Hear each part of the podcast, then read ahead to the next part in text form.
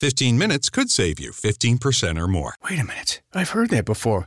That's the note Jeremy wrote to me in my yearbook in the sixth grade. How'd you even know that? Because it's from Geico. Yeah, yeah, wait, here it is. Dear Luke, have a great summer. P.S. 15 minutes could save you 15% or more. Love, Jeremy. Geico's had this tagline for years because we help save people money. So wait, you're saying Jeremy copied you? yeah, that actually does sound like something the J-Man would do. Geico. 15 minutes could save you 15% or more. Podcasty PWC. Odpowiadamy na istotne pytania dotyczące Twojej firmy: podatki, prawo, biznes, finanse i technologia. Nagrania są dostępne na pwc.pl łamane przez podcasty. Dzień dobry, nazywam się Jakub Gołębiowski i witam Was na falach podcastów PWC. Dzisiaj moimi gośćmi są Marta Gocał z kancelarii PWC Legal, Witam Państwa. Hubert Chylik, deweloper Dzień dobry. i Magdalena Czubaszek, która jest dyrektorem w dziale technologii dla sektora usług finansowych. Witam serdecznie. E, W tym interdyscyplinarnym gronie pochylimy się dzisiaj nad zagadnieniami prawnymi i technologicznymi. E, Mowa oczywiście o blockchainie i smart kontraktach. I może przejdźmy od razu do rzeczy. Czy moglibyście mi powiedzieć, czym właściwie jest smart kontrakt? To po, pojęcie pojawia się czasem w przestrzeni publicznej, ale rzadko ono jest definiowane. E, W dużym uproszczeniu, smart contract jest e, programem komputerowym, algorytmem, który wykonuje to, e, co strony uzgodniły między sobą. To taki egzekutor, który gdy zobaczy, że spełniły się określone wcześniej warunki, to automatycznie zrealizuje zaprogramowane działanie. To jest takie zdanie, które mówi, jeżeli coś, to coś. Ja jako sobie prawnik mogę wyobrazić taki przykład.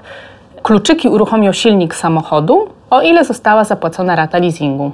Dlatego czasem mówimy potocznie, że to jest samowykonalny kontrakt. Kontrakt, który się sam wykonuje.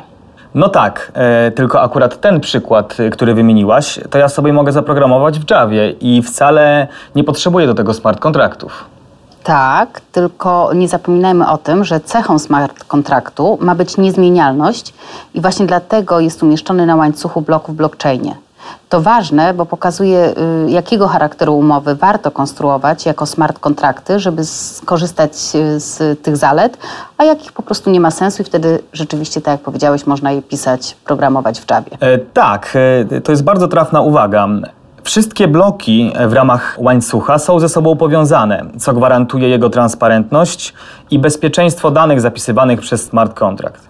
Pamiętajmy też, że łańcuch bloków jest budowany przez dużą liczbę najczęściej niepowiązanych ze sobą użytkowników. E, Ci użytkownicy posiadają konta, które umożliwiają im dostęp do tego łańcucha. E, Na przykład takim kontem w najbardziej popularnych blockchainach będzie portfel kryptowalutowy. To jest bardzo ciekawe, co mówicie, bo złapaliśmy taką technologiczną perspektywę na początku. To teraz zwracam się do Marty. Jak to wygląda w tym ujęciu prawnym? Bo to wydaje się, że nie jest takie proste. To jest bardzo nieprosty temat pod kątem prawnym, ale nawiązując właśnie do tego portfela kryptowalut i blockchaina, mm, ja jako prawnik mogę na przykład sobie wyobrazić y, może nie najczęściej spotykany przykład, e, czy tam o którym się nie najczęściej mówi, powiązanie właśnie z tą kryptowalutą. I to będzie, tak jak ja bym sobie to wyobrażała, taki zautomatyzowany escrow. Co to jest escrow? To może krótko, żeby wszyscy wiedzieli.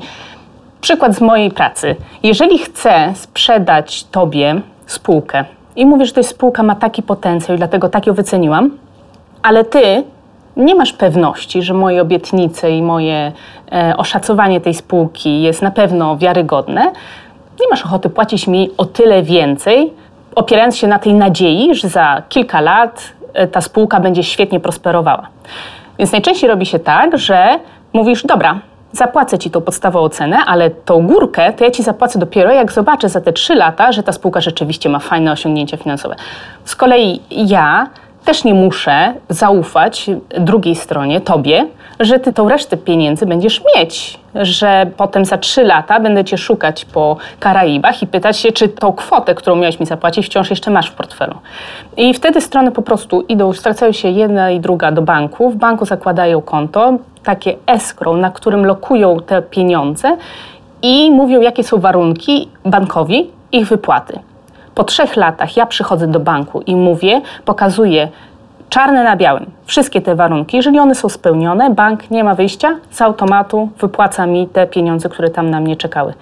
I teraz dla mnie to jest takie naturalne połączenie z tym, co mówiliśmy o pewności blockchaina i o y, takiej warunkowości tego, że jeżeli coś, to coś na pewno, że możemy sobie wyobrazić, że nie musimy mieć banku, że blockchain i algorytm na tym blockchainie ten smart contract zastąpi nam bank i będzie nam wypłacać te pieniądze.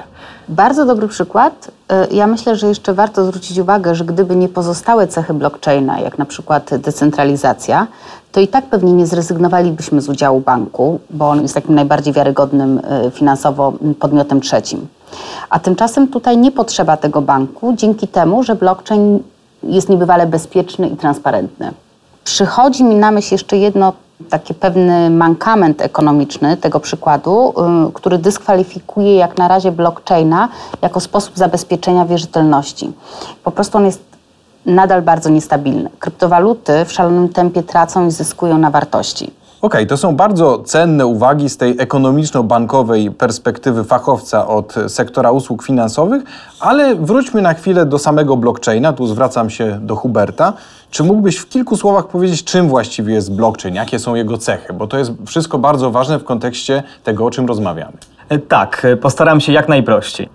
Więc blockchain jest to taka rozproszona baza danych, na którą składają się chronologicznie ułożone bloki. Możemy to jeszcze bardziej uprościć i blockchain nazwać rejestrem. Wtedy te pojedyncze bloki, każdy zawierający jakieś zdarzenia, będą elementami tego rejestru. Taki wspólny rejestr ma tysiące kopii, a kopie te e, są przechowywane na komputerach użytkowników, którzy z niego korzystają. Więc każdy wszędzie i o każdej porze ma dostęp do takiego rejestru. Zwróćcie uwagę na bezpieczeństwo takiego rozwiązania. W praktyce ciężko byłoby dokonać ataku na taką ilość komputerów jednocześnie. Należałoby zatem szukać dla smart kontraktu raczej takich relacji prawnych, które mogą skorzystać na tym rejestrowaniu kolejnych zdarzeń i to jeszcze najlepiej w powiązaniu z przenoszeniem zasobów. To ja się teraz wtrącę, bo z perspektywy prawnej to, to aż trudno, żeby nie przyszło do głowy od razu porównanie z wekslem. Zresztą w ogóle jak patrzę na tą konstrukcję właśnie tego łańcuszka kolejnych zdarzeń, to najlepiej mi, żeby to sobie zobrazować tak fizycznie, jest sobie wyobrazić elektroniczny weksel. Weksel to tak faktycznie normalnie to jest papier, po prostu papier, który mówi o jakiejś pieniężnej wierzytelności, a ma zapłacić 100 zł. I teraz na wekslu mogą się pojawiać potem kolejne zapisy, zapisy, które mówią, że tą wierzytelność, którą A miało 100 zł zapłacić do B, teraz B przekazuje weksel dalej i będzie musiało zapłacić to A, będzie musiał 100 zł zapłacić wobec C. A potem, jeżeli sobie przekazują dalej i zapisują to na tym wekslu, indosem, to potem będzie musiało A zapłacić do D, potem do E, F, G i tak dalej, aż wreszcie na sam koniec przyjdzie Z do A i zażąda 100 złotych. I wtedy co robi A? A bierze ten papierek, ten weksel i sprawdza, czy z tyłu na wekslu jest zapisany nieprzerwany łańcuszek, czy wpis ten ostatni Z łączy się z poprzednim, a ten z poprzednim, a ten jeszcze z poprzednim, aż dojdzie do B i jeśli powstanie taki prawidłowy, taki nieprzerwany łańcuszek, no to wówczas A nie ma wyjścia, musi zapłacić Z 100 zł. I to powinno się dziać z automatu. Czyli dokładnie tak, jak działa łańcuszek na blockchainie, tak? A zresztą konstrukcja blockchaina w ogóle sprawdza się bardziej generalnie, bo to w ogóle będzie dobrze działało wszędzie tam, gdzie mamy łańcuszek transakcji. Czyli dzięki blockchainowi na przykład możemy nabywać dobra, dla których będzie ważne, jaki mają życiorys. To znaczy, ważne będzie udowodnienie jego pochodzenia. Czy to będzie pochodzenie ekologiczne, czy to będzie chodziło o pochodzenie etyczne, czy po prostu z określonego miejsca, takie geograficzne to wskazanie tej takiej całej ścieżki od pierwotnego źródła aż do tego ostatecznego nabywcy będzie możliwe dzięki łańcuszkowi na blockchainie. Hubercie, chciałbyś coś do tego dodać, bo ten przykład jest taki bardzo plastyczny, z tym wekslem wędrującym przez cały alfabet, bo tu przeszliśmy od A aż do Z. E, mamy taką ciekawą perspektywę prawną, ale czy jeszcze byś coś dorzucił jako deweloper? E, tak, dobrze, że Marta wspomniała o łańcuchach transakcji, bo mi skojarzyło się to od razu z łańcuchem dostaw. Nie wiem, czy wiecie, ale Walmart wprowadził obowiązek, aby dostawcy żywności rejestrowali je w systemie opartym właśnie na blockchainie. Więc każda zmiana w życiorysie dóbr czy produktów, jak na przykład ich transport y, albo obróbka, zostanie odnotowana w tym systemie. Myślę, że to w ogóle mogłoby znaleźć zastosowanie również w branży motoryzacyjnej, bo wyobraźcie sobie, że kupując samochód, mielibyście możliwość poznania historii produkcji i napraw każdej z jego części. No to byłoby wtedy coś, bo skończyłyby się problemy z cofniętymi licznikami. No właściwie przykład jest świetny, bo e, takich problemów e, z wiarygodnością e, w transakcjach na rynku motoryzacyjnym jest cały szereg i to budzi spore emocje. Bardzo fajny i taki życiowy przykład. Czy to jednak oznacza, że kupując takie dobro, to ładnie ujęliście z życiorysem, e, z, z jakąś zakodowaną historią, zawieramy umowy na tym łańcuchu bloków? Czy to jest tak, że właśnie wtedy e, pojawia się nam ten smart contract? E, To nawet nie jest bądź nie musi być e, zawieranie umów w powszechnym znaczeniu tego sformułowania. Bo tak naprawdę jest to tylko rejestracja zdarzeń, jak na przykład rejestracja kurczaków bądź e, zmiana temperatury w chłodni, tylko technicznie zrealizowana poprzez smart kontrakty. Ale oczywiście smart contract może być umową w sensie prawnym. Potrzeba do tego tylko świadomych oświadczeń przynajmniej dwóch podmiotów, że one chcą zawrzeć tą umowę o określonej treści. A więc oni muszą oświadczyć te strony, że właśnie taką treść umowy e, chcą mieć między sobą. A treść to może być kod zamieszczony na łańcuchu bloków, czyli to jest to, jak ten konkretny blockchain ma działać ta umowa między nimi. Natomiast dyspozycja wtedy, czyli wywołanie funkcji na łańcuchu bloków, będzie oświadczeniem woli stron umowy i ta dyspozycja będzie generować jej realizację, czyli generować realizację umowy, określony kod. Widzę, że tutaj Magda ma jakieś wątpliwości. Tak, no bo jak, jak, jak teraz Marta mówiła, to zaczynam się zastanawiać, okej, tylko jak zdobyć takie oświadczenie woli? To może Hubert jako deweloper nas wspomoże w tej kwestii. No, to będzie najprostsze wywołanie funkcji na blockchainie w tym przypadku. Tak, tylko że jeżeli chcemy przyjąć, że mamy oświadczenia woli i że kod smart kontraktu jest rzeczywiście umową w prawnym sensie, czyli tym zgodnym oświadczeniem woli tych co najmniej dwóch podmiotów, no to zaczynają się dopiero schody i pojawiać trudne pytania prawne. A takie lubimy najbardziej w tej audycji. A bardzo? Prawnicy też je bardzo lubią. Więc pierwsze pytanie jest takie, czy to strony pisały kod, skoro to jest ich świadome oświadczenie? I czy strony potrafią przeczytać i zrozumieć ten kod? Ja się przyznam od razu, że nie potrafię czytać w języku Solidity chyba tak, w którym się pisze blockchain. No więc w konsekwencji, czy kod rzeczywiście jest ich oświadczeniem woli? Czy rzeczywiście jest ich świadomie zawartą umową? No, wkraczamy na trochę nieznane lądy dla prawa. I zdania są bardzo podzielone co do tego, co faktycznie jest treścią umowy.